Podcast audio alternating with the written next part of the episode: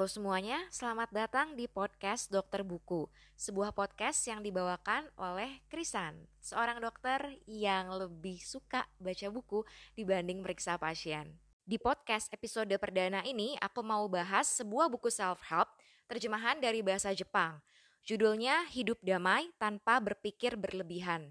Buku ini ditulis oleh dua orang psikiater perempuan dari Jepang yang bernama Suneko Nakamura dan Hiromi Okuda.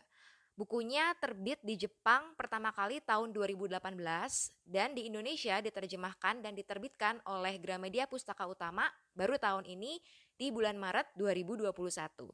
Belakangan ini tiap jalan-jalan ke toko buku, aku banyak lihat buku Asia ya, terutama terjemahan yang dari bahasa Jepang dan Korea.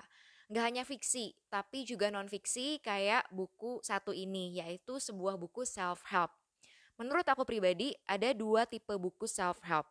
Tipe pertama adalah tipe buku yang mendorong pembaca untuk do more, untuk lebih produktif. Misalnya, bangun lebih pagi, terus ngerjain lebih banyak hal di list kita. Nah, tipe kedua adalah tipe buku yang mendorong pembaca untuk do less. Misalnya untuk beristirahat, baik secara fisik maupun secara mental. Seperti tidur cukup, terus mengurangi pemikiran yang enggak-enggak, mengurangi kekhawatiran, mengurangi overthinking, seperti buku satu ini. Karena pada dasarnya aku orang yang gampang banget khawatir, gampang banget overthinking, dan ditambah lagi belakangan ini di hidup aku lagi ada banyak banget hal yang bikin kepikiran dan susah banget rasanya untuk punya pikiran yang damai dan yang tenang. Aku langsung tertarik begitu ngeliat buku ini waktu lagi jalan-jalan di toko buku. Tebal buku ini hanya sekitar 150 halaman dan karena menurut aku tulisannya lumayan besar-besar, kalau kita niat buku ini bisa selesai dalam sekali duduk. Jadi sekali duduk, sekali baca, langsung beres from cover to cover. Seperti yang tadi udah sempat aku sebut, penulis buku ini ada dua, yaitu Dr. Suneko Nakamura dan Dr. Hiromi Okuda. Namun, penulis utama yang mendominasi isi buku ini adalah Suneko Nakamura yang usianya jauh lebih senior dan beliau ini sudah 70 tahun lebih berkarir sebagai seorang psikiater. Di beberapa bagian buku ini yang ditulis oleh penulis satunya yaitu oleh Hiromi Okuda, isinya pun menceritakan tentang Dr. Suneko. Gimana kebijaksanaan Dr. Suneko ini telah mempengaruhi hidupnya Dr. Hiromi. Buku ini terdiri dari enam bab. Masing-masing bab memuat beberapa esai pendek.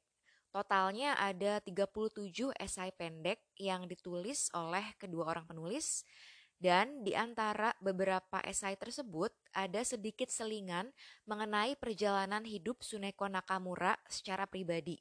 Gimana seorang dokter Suneko yang sekarang adalah seorang psikiater yang sudah senior, yang sudah berpengalaman, ternyata dulunya adalah seorang gadis dari keluarga miskin yang bahkan harapannya untuk sekolah pun tipis banget. Meskipun buku ini adalah buku terjemahan, menurut aku buku ini masih enak dibaca. Gaya bahasanya pun gampang dipahami ya, ringan dan gak terkesan menggurui pembaca. Malah menurut aku baca buku ini tuh kayak kita lagi duduk berdua sama seorang nenek tua yang bijak. Lalu nenek tua ini ngasih kita berbagai wejangan supaya kita ini nggak terlalu stres dalam menghadapi hidup. Ya bayangin aja ya, dokter Suneko ini udah 70 tahun lebih berpengalaman sebagai seorang psikiater. Dan setelah aku hitung-hitung usianya, dia ini lahir tahun 1929. Buku ini terbit tahun 2018 di Jepang. Dan berarti waktu buku ini terbit usianya itu udah sekitar 89 tahun.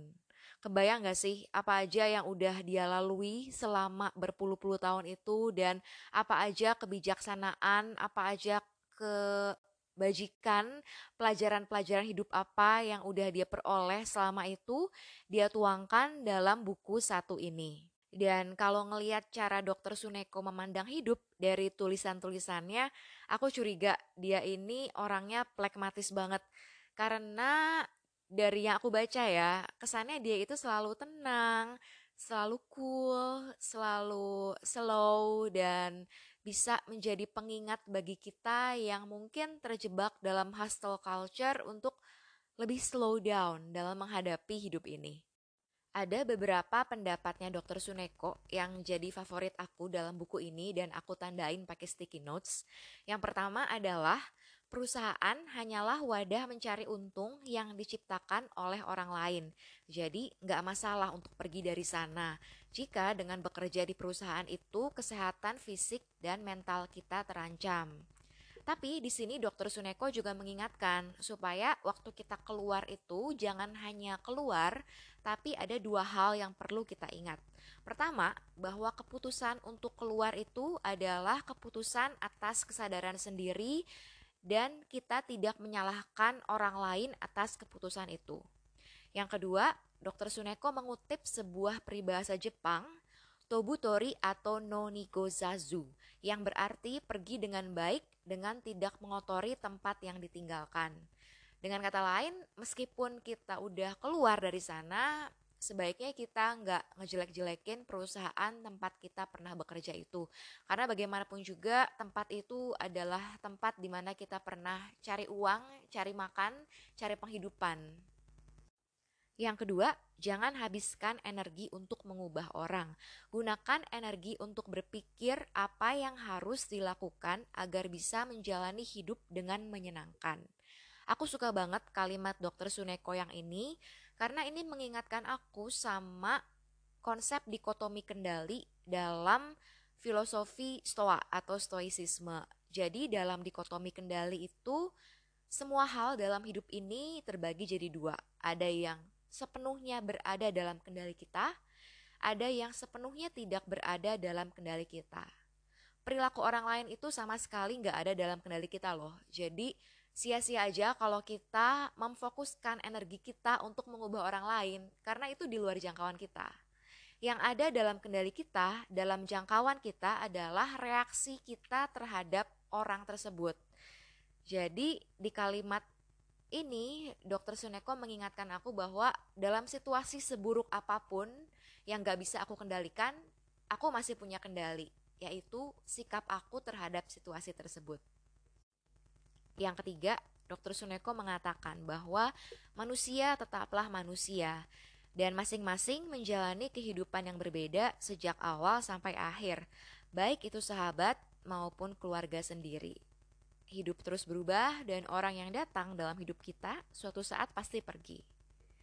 This is a harsh truth. Nggak gitu enak didengar memang, tapi ya ini kenyataannya bahwa nggak ada orang yang bisa mendampingi hidup kita 100% dari sejak kita lahir sampai nanti kita mati. Semua orang yang datang pasti akan pergi.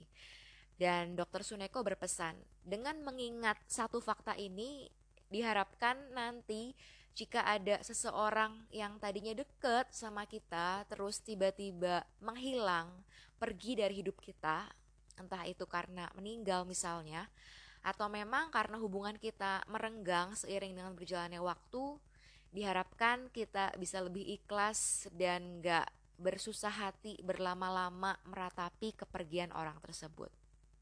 Yang keempat, sia-sia aja mengkhawatirkan hal di masa depan. Jangan abaikan apa yang di depan mata dan cukuplah pusatkan perhatian hanya pada hal itu. Ini adalah tamparan yang sangat keras sekali buat aku, si overthinking, si gampang khawatir. Karena aku kasih contoh ya, waktu aku bikin podcast ini, ini kan pertama kalinya aku rekaman podcast, pertama kalinya aku belajar edit podcast dan ternyata tidak semudah yang dibayangkan.